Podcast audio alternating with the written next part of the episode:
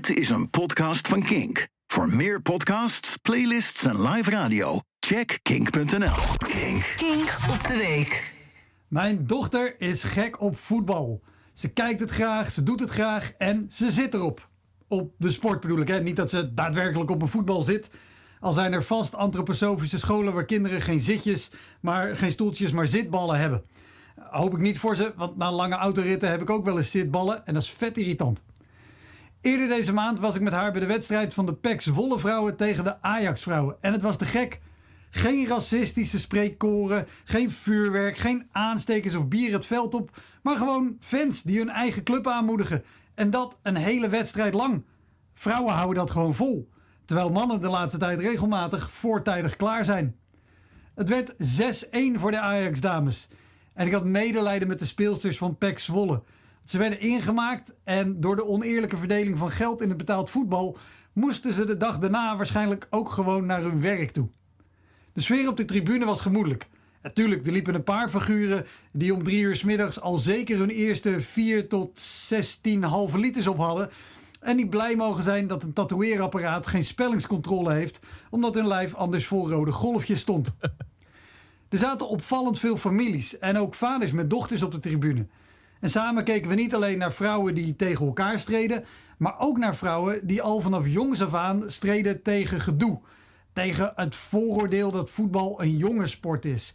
Dat vrouwenvoetbal niet boeiend is om naar te kijken. Tegen lollig bedoelde opmerkingen of ze na de wedstrijd ook de kantine nog even aanvegen.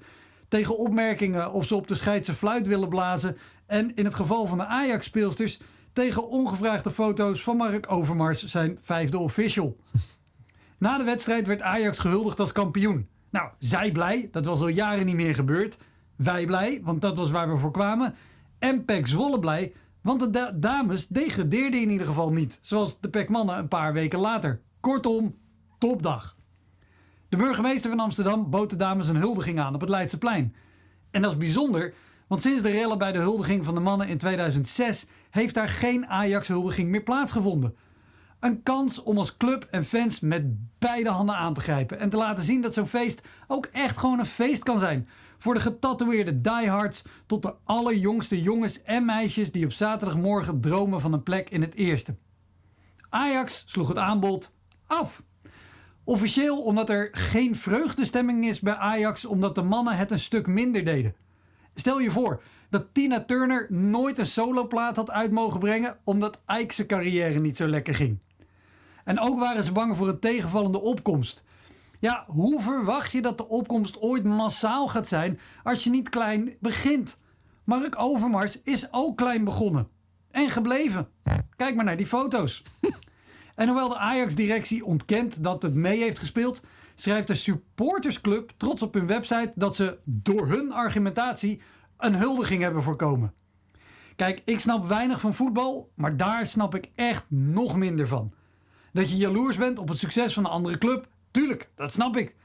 Maar dat je als supporter of directie van een club niet trots kan en wil zijn op je team, omdat het uit vrouwen bestaat, dat is echt onbegrijpelijk.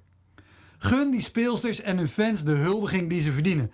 Want ze waren, in de woorden van Tina, simply the best. Bedankt voor het luisteren naar deze Kink-podcast. Abonneer je op deze podcast via de Kink-app en wees altijd op de hoogte.